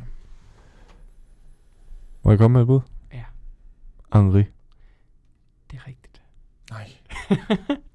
Nej, hvor er det sygt. Ej, men du sidder selvsikker nu. Det var stærkt, Mark. Nej, det er løgn. Ed og med stærkt, det der. Men jeg har ikke bud på den sidste. Det kunne være Samuel Eto'o eller en eller anden i den tur. Det er Alfredo Di Stefano fra Okay. Argentina, der Ja, har lavet mål ej. fra 1955. Nej, hvor er det ærgerligt det her. Øv. Stærkt, Mark. Tak. Og stærkt til sidst også, Hansen. Tak. 4-3, Mark. Det kører Du bare. ser så afslappet Det ud. kører bare. Okay. En sløj start, men ellers så... Du er nået et punkt nu, hvor du virker småligeglad med at lige køre et point mere i bank. Ja, men det er efterhånden blevet, blevet hverdag herovre på stolen. Ja. Og, Oh. Angri, Ej. den, Åh. øh, den lå langt væk fra mig. Det går den godt nok. ej, jeg vil sige, den var, den var svær i dag. Også især med de der, hvem er jeg? Nu var, havde vi Morten med i studiet, hvor vi kørte mange af dem, hvor vi var gode. Ja. I dag, der er- har du enten gjort dem svære, eller så er, er hjernen et andet sted. Ja. I hvert fald så skal vi videre. Og Hansen, du øh, kommer til at gå skuffende hjem herfra. Det kan jeg allerede se på. Sådan er det. Sådan er det. Det er fortjent. Sådan er det. Vi skal til dagens tredje emne. Nu gik der lige øh, ja, en halv time med Ja. quizzen. Det Sådan er, er så det. fint. Det er Til- så fint. til øh, den håndfuld, der hænger på endnu, så øh, skal I være klar på dagens tredje emne, som er emnet var ugens lytteremne indsat af vores medstuderende Anders Kofod. Ja, tak. Øhm, det er dig, Mark, der skal i ilden, og jeg har tre hypoteser klar, som du får nu. Yes. Øhm, ifølge dig, så har VAR gjort mere skade end gavn, og derfor er du modstander af konceptet. Mm, det var sådan lidt, hvordan man ser dem, bliver jeg nødt til at sige, fordi det mere VAR skade. generelt. var generelt, så nej. Det har ikke gjort mere skade engang. Okay, så du er til VAR. Jeg er til var. Det vil være en god idé, hvis dommeren eller dommerne, lidt ligesom i NFL, forklarer deres handlinger til stadion ved store og vigtige kendelser. Ja. Og du synes, at indførelsen af VAR i Superligaen allerede fra næste sæson kommer for tidligt, da Superliga, Superligaen ikke er gearet til det endnu. Nej. Emil Hansen? Jeg er faktisk enig i alle tre. Okay. Så lad os øh, kigge lidt på start fra en ende af, om man er for eller imod, fordi at det har siden specielt indførelsen i Premier League været noget, der har delt vandene blandt mange inkarnerede fodboldfans. Øhm. Og hvis vi så lidt kigger på først, hvad I synes, der gør, at vi skal beholde var, og vi skal være for var, kan I så prøve at sige, hvad, hvad, hvad det var gør så godt, at vi skal sørge for, at det forbliver? Jeg har øh, været fan af, af VAR siden øh, day one, og øh, jeg synes, at det er en, en fantastisk hjælp til, til vores øh, dommer og vores øh, linjevogtere, fordi spillet her i, i 2020, jamen det, det går voldsomt stærkt, og øh, det er utrolig svært for, for dommeren og for linjevogteren at, øh, at være 100% med, øh, fordi det netop går så hurtigt. Øh, så, så det, at de har VAR som en ekstra hånd øh, til at tage de, de rigtige beslutninger, det, det synes jeg, det er fremragende. Og selvfølgelig øh, konceptet, jamen øh, det er jo gået, gået galt, specielt i England her i, i, i løbet af, af det sidste års tid, og, øh, og så er det jo klart, så, så bliver folk jo hurtigt modstandere af det, men, men, men det, at, at dommeren de får en, en, en ekstra hjælpende hånd, det, det er jeg stor fan af. Øhm, jeg synes dog, at, at, at VAR, det skal, det skal laves om i den forstand, at, øh, at det skal justeres på, på flere parametre. Men lad os lige gemme det, og så sige, Mark, hvad, hvad, hvad tænker du, der er, der er de gode ting ved VAR? De gode ting er helt sikkert, at man kan, man kan undgå de her mål, hvor man efterfølgende finder ud af, at der er tyk offside. Det har personligt i hvert fald irriteret mig grænseløst, når kampe er blevet afgjort på meterlange offsider. Så kan man også komme det her øh, diving til livs, øh, især inde i, i, i feltet. Det kan selv sagt ikke komme til livs ude øh, for feltet. Øh, og, og det er en, det sådan lidt de to vigtigste ting for mig. Og så også i forhold til taklingerne, at man kan vurdere, er der egentlig rødt på den her. Øhm, men også modsat, dommeren vurderer, at der er rødt, og så kan VAR gå ind og, og korrigere bagefter. Eller i hvert fald bede dommeren om at korrigere, fordi det er jo dommeren, der sidder med, med den endelige øh, beslutning. Så, så det er i hvert fald tre punkter, jeg mener er, er rigtig fedt ved, ved indførelsen af VAR. Hvad tænker I så med, med det her, i hvert fald problem mener mange, det er med, at hele den her øh, energiske og øh, spontane jubel, både blandt spillere og fans, at den forsvinder øh, i hvert fald i en stor grad for mange, fordi at man ikke i samme grad tør juble igennem, når der bliver scoret, både som spiller og som fan, fordi du aldrig i reelt kan føle dig sikker på, om det mål vil stå. Og det er jo, det er jo i hvert fald en følelse, som mange af os fodboldfans har levet med i mange år, øh, som hen ad vejen bliver taget fra os, og det, det, meget, det kommer til at være meget svært at ændre på. Hvad, hvad tænker I om det? Altså, er det bare noget, man skal tage med, eller er det noget, der, der gør, at man kan genoverveje øh, hele konceptet, eller skal vi bare lære at leve med det? Jamen, hvis man vil have var, så, øh, så skal man jo lidt lære at leve med det her. Og så er det jo lidt op til spillerne selv, om de vil, øh, om, om de vil sådan lægge under for det her, og så lade være aktivt med at juble, fordi de ikke ved, hvad den reelle dom efterfølgende er. Jeg vil sige, at i mange tilfælde, så, så har vi også set, at, at så er der offside et langt tilbage øh, til den egentlige øh, det, altså den afgørende fod på målet. Og derfor så tænker man, der er ikke offside på den her, men så går man øh, to spillere tilbage, og så er, der, så er den spiller faktisk offside, og så bliver det annulleret. På den måde, så kan man faktisk heller ikke rigtigt, og det ærger lidt mig, at man ikke kan vurdere, at det her mål er sikkert, fordi at det kan gå så langt tilbage. Og der tænker jeg også bare sådan, synes I, at det er så vigtigt, at, at nu har vi set specielt i Premier League, øh, de her nærmest bogstaveligt talt armhulehår, der, ja. der bliver målt jo. Øh, og er det, er, det, vi, altså, er det det fodbold også? Er, handler det om det også? Altså, skal, skal vi gå ned i, hvad, hvad der handler om bogstaveligt talt millimeter? Altså, er det bare en udvikling, vi ikke kan gå imod, eller, eller altså... Det, det er jo bare noget, der hører med til VAR. Øh, med VAR, jamen der får vi jo præcis øh, de helt korrekte øh, øh, domme, og, øh, og det er, som du siger, øh, de sidste millimeter, der, der går ind, og så bliver vurderet nu. Øhm, og, og det er bare noget, der følger med, og, og det kan være øh, frustrerende, og det kan også være, være, være fedt. Øhm, så det, det, det er svært at, at, at sige, hvad, hvad fansene de, de egentlig helst vil have, øh, fordi altså, ofte så handler det jo også om, om, om, om det går imod eller, eller for ens hold. Ja, det tror jeg også, og man kan jo sige, at den der med, med offside, du nævner, det er jo også... Øh, det er jo to modstridende øh, faktorer i det her, fordi på den ene side, så skal VAR være med til at vurdere, om der er offside eller ikke offside, hvis der er et mål til følge. Og der kan man jo vurdere, altså om man så er millimeter offside, så er du jo så stadig offside. Men omvendt så på den anden hånd har de også, at det skal være clear and obvious, og det er en millimeter ikke, og så er der nogen, der siger, at kameraerne ikke kan, kan måle i, i den hastighed, spillerne bevæger sig, og derfor er der sådan en, en, en, en difference på, på nogle centimeter, som man skal tage højde for. Hvorvidt det er, det er sandt, det, det ved jeg ikke helt. Øhm, men nu det er nu engang den teknologi, de arbejder med, og så er det jo også bare, så skal man have fundet ud af, og det tror jeg også, at de finder ud af her til, til sommer, når, når den nye sæson påbegyndes. Hvad er det egentlig, vi dømmer i de her situationer? Fordi dømmer vi de her millimeter, så skal det bare meldes ud, og så er det sådan, det er, og så må folk øh, agere derefter. Så øh, lidt omkring øh, hypotese 2, det her med, at øh, man godt, og man kan tillade sig lidt at efterligne, hvad de i hvert fald gør blandt andet i NFL, øhm, med at dommeren til stadion og, og publikum simpelthen konkret fortæller højt, hvad der er, der sker nu, og øh, hvad der er, der bliver dømt for, fordi det er der mange, der er altid efterladt tilbage med, hvad, hvad fanden skete der lige der. Mm. Øhm, det lyder jo som udgangspunkt altid, som, når, når der bliver snakket om det som fordel, og som noget, der bare skal implementeres. Men er der ikke en, en risiko for, at, at fodbolden så mere og mere altså reelt bliver som NFL, hvor der bliver mange stop, og der bliver store forklaringer, og hvor spillet ikke flyder på samme måde, som altså, vi ikke skal mere end få år tilbage, før det gjorde? Jo, men, men jeg tror, at, at netop med VAR, så, så tror jeg, at, at, at fansene, de, de, de sidder jo ude på, på tilskuerpladserne, og, og folk sidder hjemme foran tv-skærmen, og, og så sidder man jo og, og er i tvivl om, øh, om, om, om den her kendelse, den nu er korrekt, og, og at, at høre dommernes ord, jamen jeg tænker bare, at det er jo bare med til at bekræfte øh, endnu en gang, af, at, øh, at dommeren han, han rent faktisk tager den rigtige beslutning. Så jeg, jeg er fan af det. Øh, jeg ved også, øh, man, man gør det også i, i, i ishockey over i USA, hvor, hvor dommeren også taler til publikum, når, når han giver udvisninger. Og, Øh, så jo, jeg kan godt følge dig i, at, øh, at der måske bliver lidt for meget show over det, at, øh, at, at, at spillet det, det ikke bliver så flydende mere, men, men, men alligevel, dommerne er jo bare mere til at bekræfte over for hele stadion og for, for medierne, at, øh, at det er den her beslutning, han har taget, og så, så sidder man jo ikke og, og i tvivl, som, som man er nogle gange nu, når man sidder og ser kampene. Mark, enig?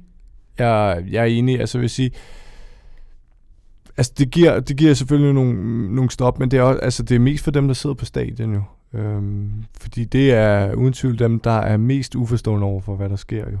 Øhm, os, der sidder på tv'et, vi får det forklaret, ikke via tale, men, men ofte via billeder. Sådan som det foregår nu, så synes jeg egentlig, det er okay. Det er mest på straffespark og sådan nogle ting, hvor man godt nogle gange kan være i tvivl om, er en målmand for langt ude, eller er der spiller i feltet og sådan noget. Og men, også det med hånd på bolden, hvornår der er, altså, ja. det er også udefinerbart. Ja, jeg synes, jeg synes at, at det kunne være en god, øh, et godt add-on til, til VAR, at de forklarer det, men i sådan nogle short terms, som, som man kan forstå. Altså for eksempel så, hvis en spiller altså arbejder bolden op på sin egen arm, så er der jo ikke noget. Men hvis det er det, der er blevet dømt, så må dommeren jo fortælle, at, at øh, det er spilleren, der selv har hættet bolden ned på sin arm, jo, fordi så bliver der ikke dømt straffe. Det er jo følge de, de nye regler. Okay, så lad os øh, til allersidst, inden vi runder emnet ned, så lige kort snak om det her med, at det bliver implementeret i Superligaen. Og Det er, øh, synes jeg, er meget interessant, fordi at det har vist sig at virke rigtig godt nogle steder, og lidt blandet nogle andre steder. Og for at være ærlig, der er jo ikke nogen af os, der ved en skid om, hvordan vi gider til det, øh, som jeg spørger om jo. Men hvis jeg alligevel skal tillade sådan at have nogle tanker om, omkring det, hvordan kommer jeg så til at forestille jer, at, at det kommer til at gå? Altså, Hansen, du er relativt super Superliga-interesseret. Tror du, det bliver en fadese, eller tror du, det bliver noget, man ret hurtigt sådan tilpasser sig? Nu har øh, folkene fra, øh, fra Superligaen jo haft øh, tid til at øh, kigge øh, rundt omkring i, i de forskellige ligaer og se, jamen, hvad er godt bevaret og hvad er mindre godt bevaret. Så forhåbentlig har de lagt en god plan for, hvordan er su- øh, Superligaen de skal, skal tage imod øh, VAR og hvordan øh, det skal indføres. Øhm, men jeg har stadigvæk øh, mine, øh, mine bange anelser i forhold til, øh, at det kan godt gå hen og blive en, en fadese, fordi at... Øh, at det handler virkelig om, at man skal have konceptet helt på plads, og man skal have de her øh, regler slået fast fra starten af. Øhm, men, men, men ja, øh, specielt i, i Superligaen, så har der øh, i, i, specielt i, i den her sæson, og også øh, de sidste par sæsoner, der har været virkelig mange øh, fejlkendelser og, og tvivlsomme kendelser, og, og de danske dommer, de har virkelig brug for hjælp. Øhm, og man, man har jo i, i de store kampe mellem blandt andet øh, FCK og Brøndby forsøgt øh, at få... Øh, øh, ekstra øh, linjevogtere med, der står på, på baglinjen, øh, for, for at se, om det kunne hjælpe. Øh, men, men, men nu kommer VAR, og, øh, og det tror jeg, det, det bliver rigtig godt for, for de danske dommere, fordi øh, det har de i den grad brug for. Tænker du noget som helst om det her, Mark? Ja, ja det, jeg tænker, jeg tænker, at det, det hører også med til historien, at dommerstandarden i Danmark er forholdsvis lav, og nu er Superligaen ikke det, jeg føler allermest med i, men det øh, kan alligevel ikke gå forbi øh, min næse, at, at der er så mange fejlagtige dommerkendelser, i, også i, i de helt store kampe. Og det er jo sådan noget, som man, man kan kigge, og så kan man se, øh, når det er øh, Jakob Kielet, der, der dømmer den her kamp, så, og, så ved vi bare, at det bliver helt forfærdeligt, for eksempel. Og når standarden er ikke højere i Danmark, så tror jeg egentlig kun, at VAR kan, kan hjælpe. Øhm, det tror jeg egentlig også i Premier League, hvor den er mindst lige så ringe. Og hvis man, øh, som, som Hansen er inde på, hvis man har konceptet klar, og jeg ved, at de har siddet og kigget på, på, på Premier League især, for at se, hvad der ikke fungerer her. Det er, jo, altså, det er jo klart for alle, hvad der ikke fungerer. Men i Premier League, der kan du ikke gå ind og ændre fuldstændig i, i konceptet midt i sæsonen. Øhm, men, men Superliga, når man ved, at okay, det er faktisk en god idé, hvis vi selv lige også går ud til, til at, at tjekke kendelserne igennem som dommer. Det er jo noget, de ikke gør særlig meget i Premier League. Jeg tror faktisk, de har gjort det to gange. Den ja, ene gang i dag, meget, i øh, der, med et rødt kort. Og, øhm, og især sådan en ting, den tror jeg bare er god, fordi at dommeren står med den endelige afgørelse. Og så kan det egentlig også godt det er nemmere, at det falder tilbage på dommeren, end at det er et eller andet langt væk, vi ikke kan se ude i et eller andet varerum. Øhm, det har folk typisk svært ved at forholde sig til. Ja, og så tror jeg også, at, øh, at de danske dommer, de glæder sig utrolig meget til det, fordi de har været utrolig meget i fokus, øh, og øh, det har været på grund af dårlige kendelser, og, øh, og så har de ofte skulle, skulle stå øh, til ansigt øh, med, med pressen bagefter, hvor, at, øh, hvor man tydeligt kunne se på dem, at øh, jamen, altså, det, det, det er jo menneskelige fejl, de laver, og, øh, og de er selvfølgelig utrolig ærgerlige over de fejl, de laver. Så jeg tror, at de danske dommer, de glæder sig utrolig meget til at få, få en hjælpende hånd. Og lad os uh, runde emnet af med, med de kommentarer, og så gå til dagens sidste emne, som lidt er sådan et opfølgningsemne på det transfervindue, der lukkede i går. Uh, og Hansen, du skal i ilden for sidste gang i dag. Ja, tak. Så du får tre hypoteser her. Uh, nu skal jeg lige læse de rigtige op. Jo, du er en smule skuffet over dette transfervindue. Ja. Du synes, at Brøndby har haft et forfærdeligt transfervindue.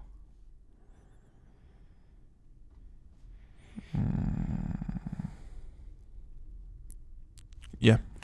Set med danske øjne, så har det været et fornuftigt transfervindue. Ja. Og Mark, Ja, ja, nu skal du forholde dig til dem. ja. Jeg, øh, jeg er som udgangspunkt ikke skuffet over det her transfervindue. Øhm, og det svarede Hansen, at det var han. Ja. Og, øhm, og den synes jeg godt, vi kan tage op, for øh, altså, der er jo mange, der har det med de her transfervinduer, der skal ske noget stort. Øh, og jeg sidder med samme, øh, samme holdning. Og jeg kan egentlig også, øh, nu er der, hvis man lytter til den her, så er der jo ikke så mange, der er i tvivl om, at jeg holder med United, og United var jo ude og, og skulle hente en på, på deadline day, og sådan noget elsker jeg, når man ikke aner, hvem det bliver, om der er 800 forskellige rygter. Men januar-transfervinduet ender jo altid med at blive sådan lidt halsløjt, fordi det bare ikke er det bedste tidspunkt at sælge sine gode spillere. Øhm, der er en halv sæson endnu, og derfor så øh, de, de helt store spillere, de, de venter oftest med at, at skifte til sommer. Så, så jeg er ikke skuffet, men jeg er heller ikke sådan helt op at ringe over det. Og du var måske en smule skuffet, Hansen, siger du. Sådan, hvad, hvad havde du forventet, eller hvad er du, hvad er du skuffet over reelt set? Jeg havde øh, forventet, at øh, FC Barcelona de ville øh, gå ud og hente øh, en øh, offensiv øh, forstærkning. Øh, et, et, et, et prominent navn, øh, fordi øh, de står jo i en situation nu, hvor at, øh, deres øh, frontangriber Luis Suarez han er, han er ude resten af, af den her sæson, og øh, så havde jeg forventet, at, øh, at de ville gå ud og, og hente et, øh, et større navn, øh, og det, det, det gjorde de ikke. Øh, men selvfølgelig, det er jo også øh, svært for, for klubberne at, at handle her i, i vintertransfervinduet, fordi det er midt ind i sæsonen, og og der er ikke mange, der, der er meget for at, at, at lade deres bedste spillere gå. Øhm, så, men, men, men alligevel, jeg havde alligevel regnet med, at der vil komme øh, endnu større handler end, end, end Bruno Fernandes og, og Christian Eriksen. Og Holland. Og Holland, ja. Ja, Holland, og, ja. og, og vi kan også sige, at nu havde vi det jo virkelig i quizzen, men, men de navne, vi skulle ramme ja. igennem, altså vi, vi kendte ikke to ud af fem på den liste over de, de højst, altså, højst betalte spillere. Nej, men til gengæld, så kender vi sådan en som Daniel Olmo, og, eller Daniel Olmo og Alcázar. Du har også øh, Emre Can, Suso. Øhm, så der er større navne, end dem, der ligger højt Det op er klart, på... men det er stadigvæk fra, fra en hylde, der er under ja. der, hvor det er sjovest. Ja, det er det. Det, det er enig. Øhm, og det tror jeg også er sådan en, en generel holdning, så lad os bare lidt tillade os at, at konkludere det om det. Øh, og så gå videre til den danske Superliga, øh, hvor der trods alt er sket noget også i de større klubber, og hvis du melder dig ud nu, Mark, på Superligaen, så, så ved vi heldigvis, Hansen han er rigtig god på det. Øhm, så lad mig starte med at spørge dig, Hans. Sådan, hvis du skulle sætte nogle ord på nogle af de handler, der er lavet, hvad tænker du så om, om det her transfervindue i Superligaen? Hold da fast. Altså, der er virkelig sket meget i, i den danske 3F Hvis du skal Superliga. highlighte nogle ting, så Ja, øhm, så synes jeg, at, øh, at, øh, at OB, de har virkelig markeret sig. Øh, OB har været øh, ude og, og hente blandt andet en, en Matt Lider i, øh, i Sønderjyske, og så har de øh, skrevet kontrakt med, med Emmanuel Sabi fra øh, Hobro øh, til sommer først. Øhm, og så har de hentet en, en, en, en nordmand til midten, og, og de har virkelig øh, haft et, et rigtig godt øh, transfervindue, og øh, så øh, FC Midtjylland har hentet plafeministeren Ronny Schwartz. Ja. Den øh, havde øh, jeg ikke øh, set komme. Øh, jeg tror, det var de første, der har set den komme, og det er også en meget interessant handel. Og så har, har Superligaen jo sagt farvel til, øh, til topscoren øh, Kamil Vilcek, der har forladt Brøndby. Øhm, og, og, og Brøndby de har ikke øh, hentet nyt ind øh, i det her transfervindue, øh, så det bliver også spændende at se, hvordan deres forår bliver. Og, og så OB har, har sagt farvel til, til deres øh, største talent øh, i truppen lige nu, Mikkel Kaufmann, der er taget til jeg FCK. tænker sådan en, øh, en OB-dreng som dig om det. Jamen, øh, ærgerlig, ærgerlig, fordi at øh, jeg havde set ham som en, en fremtidig OB-spiller, men, øh, men jeg forstår godt skiftet. Det er øh, virkelig op ad stigen det her øh, til, til, til Skandinaviens største klub, FC København, og, og forhåbentlig så, så går hans udvikling ikke i stå derover. Vi har jo set, at, øh, at spillere som Kasper Kusk og, og Nikolaj Thomsen, de har haft svært ved at, komme til hovedstaden og spille, men øh, jeg håber, at, øh, at kun 19-årige Mikkel Kaufmann, han, øh, han får det godt over i, i hovedstaden. Hvilke klubber af, af Midtjylland og, og, og FCK øh, er, sådan, er kommet bedst ud af vinduet? Hvilke af de større klubber er kommet bedst ud, og hvilke er kommet værst ud? Jeg vil Bare sådan sige, kort at, øh, ja, jeg vil sige, at FC Midtjylland har haft det, det bedste transfervindue, og, øh, og de har, de har hentet Ronny Schwartz, og øh, Og Var det ikke otte dage efter Silkeborg? Øh? Nej, to dage efter, de har gjort ham til kaptajn. Ja, var det to, kun to dage? Ja. Ja. Jeg tror, Okay. det, var, det er helt, helt Ja. hul i hovedet. Ja, det er ja, ja, det vil, og, og, og, og nogen kalder det lidt for en, øhm, hvad skal man sige, øhm, en, en hurtig beslutning, der blev taget, og, og lidt, øhm, ja, øh, hvad skal man sige, dem, dem, dem, dem blev taget i sidste sekund, og, øh, og ja, øh, jeg vil sige, at FC Midtjylland øh, af, af, de to klubber, de er kommet bedst ud af, af transfervinduet. Okay. Og, Hvor, meget, hvor meget tror du, de kommer til at savne øh, Marcondes?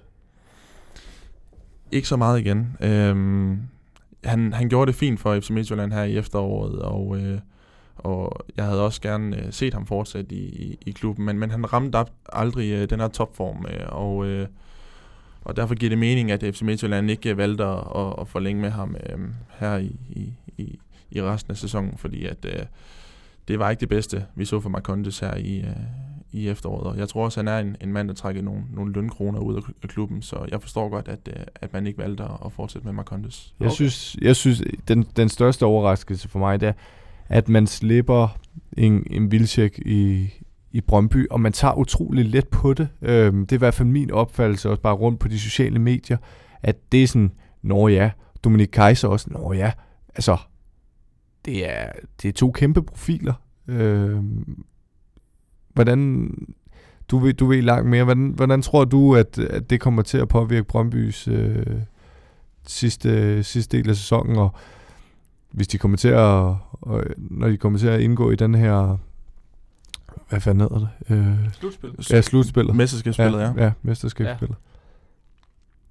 Jamen, der får de det svært. Øh, det, det er der ingen tvivl om. Øh, de har en, øh, en Simon Hedlund øh, helt op foran, øh, der ligger et, et, et kæmpe ansvar på nu, og, øh, og Brøndbys øh, mest scorende spiller den her sæson øh, lige nu, hvor, hvor Kamil Vilcek han er taget afsted, jamen, det er jo Dominik Kaiser, der er midtbanespiller. Øhm, så det bliver spændende at se, øh, øh, hvordan Brøndby de, de takler det her, fordi at, øh, at der er ingen tvivl om, at øh, Kamil Vilcek, han, øh, han, har, han har båret det her Brøndby-hold i, i, i mange sæsoner nu, og, og uden ham, jamen, så har de jo heller ikke formået at, at hive de her resultater hjem, som, som de har fået i løbet af de sidste par, par år, så jeg, jeg tror, det er, øh, det er dårligt øh, lavet af, af Brøndby, men, men selvfølgelig, Kamil Vilcek, han skulle jo sælges på et eller andet tidspunkt, men, men det undrer mig bare utrolig meget, at man ikke har hentet en, en erstatning hjem. Og, og nu spørger jeg utrolig dumt til, men Kaiser, han blev da også solgt. Ja, han blev også solgt til Heino 96, tror jeg. Det er korrekt. Det var bare, det var, ved du hvad, det er sådan set næsten irrelevant, ja. Ja. fordi det underbygger jo bare den situation, ja. Brøndby står i nu. Øhm, men lad os, han i Mukhtar også væk. ja, der er jo Ja, ja, der han er ikke Mukhtar rigtig kommet noget Ja, der, der er kommet lige præcis 0 ind, Ja, ikke? det, det, Er det rigtigt? Ja, Dominik Kaiser, han- ja. det går Puha. lidt glemt, eller sådan som om, at man, man tager Ja. ja. det som selvfølge, at, at, øh, at de unge tager over nu. Ja. Men øh, nu må vi se, hvad Masterclass de kan bære. Ja. I hvert fald så, øh, lad os kigge på den sidste hypotese her, inden vi runder dagens afsnit ned, som er omkring de her danske spillere. Fordi selvom der måske ikke er sket så meget generelt set, så er der alligevel sket en del med danske spillere, specielt landsholdsspillere, der er røget lidt rundt. Øhm, og Mark, vi snakkede i hvert fald en del om det i den her ved et emne, vi havde omkring EM, Mm. at der var nogen, der sad rigtig skidt fast Mm. i deres klubber. Øhm, kan du nævne nogle spillere, som har lavet et godt skifte? Eller? Jamen, der er tre lige for os, synes jeg. Der, altså, du har selvfølgelig Inge Eriksen, som, som kommer til at få langt mere spilletid i Inter. Øhm, og det kan højne Danmarks chancer for, for et godt EM til sommer øh, utrolig meget. Så har du Simon Kjær. Ligner, han er gået ind og, og får en startplads i AC Milan. Øh, I hvert fald for nu. Øhm, jeg mener også, man skippede en den anden vej. Jeg kan bare ikke huske, hvad han hedder, ham for Milan. Ja, han røg til Atalanta. Ja, de skippede ja. nemlig en forsvarsspiller. Ja. Øhm, og, og det er jo fint. Øhm, så har han den, den mindre konkurrence, tror jeg, at han har. Der, er- de har to andre øh, centrale forsvarsspillere. Øhm, og det imponerer mig faktisk lidt, at han gået direkte ind øhm, fra start, Simon Kjær. Også med, med så lidt spilletid, han har fået. Og så har du en, øh, en Sanka, som sad lidt, Lidt, lidt fast. af det blå. kunne- Ja, men også sad lidt fast i Ja, ja. Fenerbahce og ikke spillede sådan øh, kontinuerligt. Øh, ryger til Düsseldorf. Ja. Øh, ja, jeg mener, det er noget med det. Fortuna Düsseldorf, eller? Ja, ja. Düsseldorf i bunden af, Der ligger sidst, faktisk. øh, af, af Bundesligaen. Gjorde, et- gjorde han det for med øjne på det Ja, EM, der er i det- sommer? Det tror jeg, men måske også fordi, at kulturen er meget anderledes i, i Tyrkiet. Han har fået lidt ballade for nogle gestikuleringer med noget trøje, noget sådan noget. Jeg har ikke, jeg har ikke sat mig så meget ind i det, altså.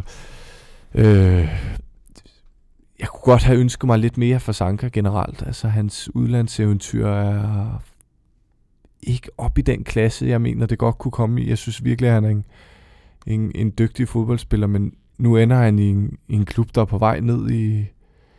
i øh, Men kun på leje, ikke? Er det kun på leje? Det er kun på leje, ja. Nå. Som med Ja. option, hvis det, eller sådan. Ja.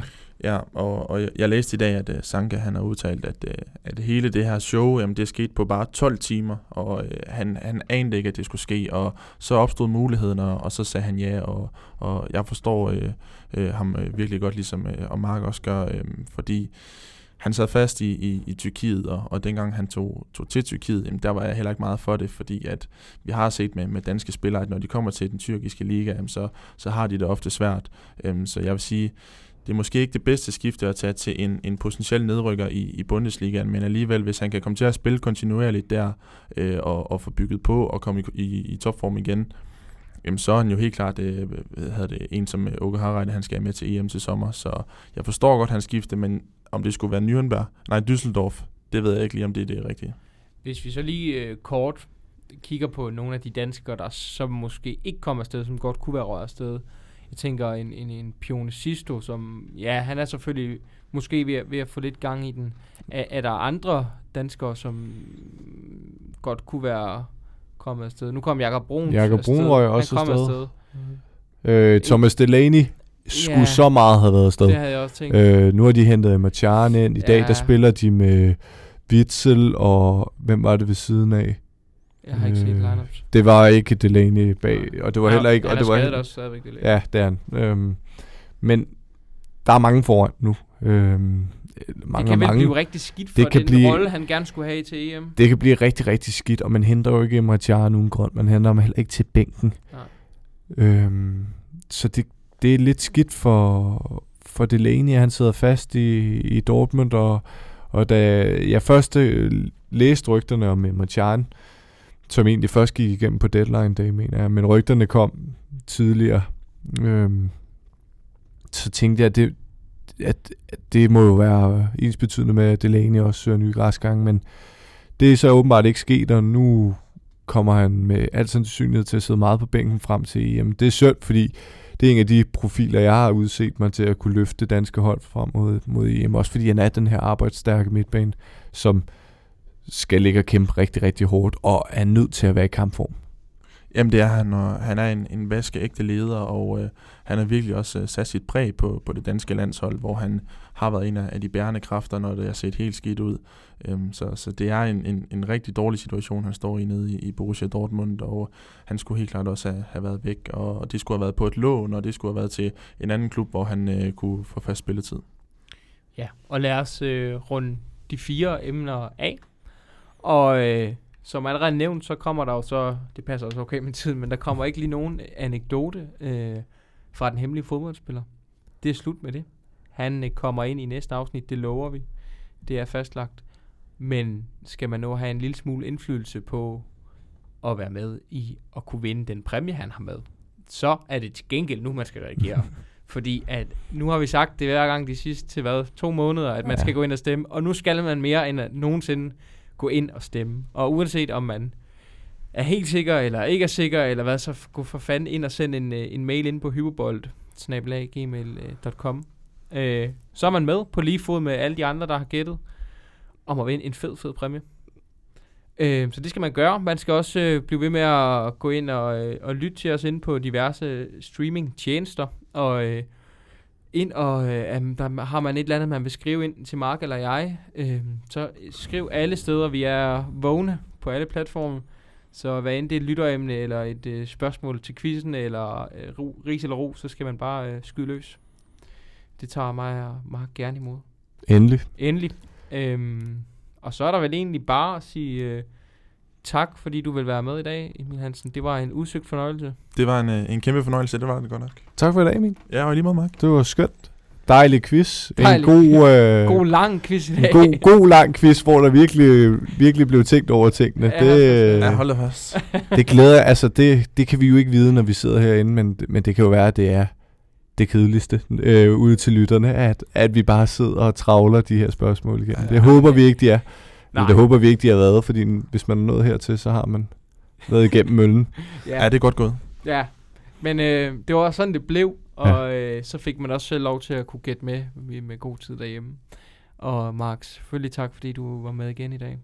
Fornøjelse som altid. Lige over. Og så øh, til jer derude, tak fordi I lyttede med. Vi høres ved til næste episode.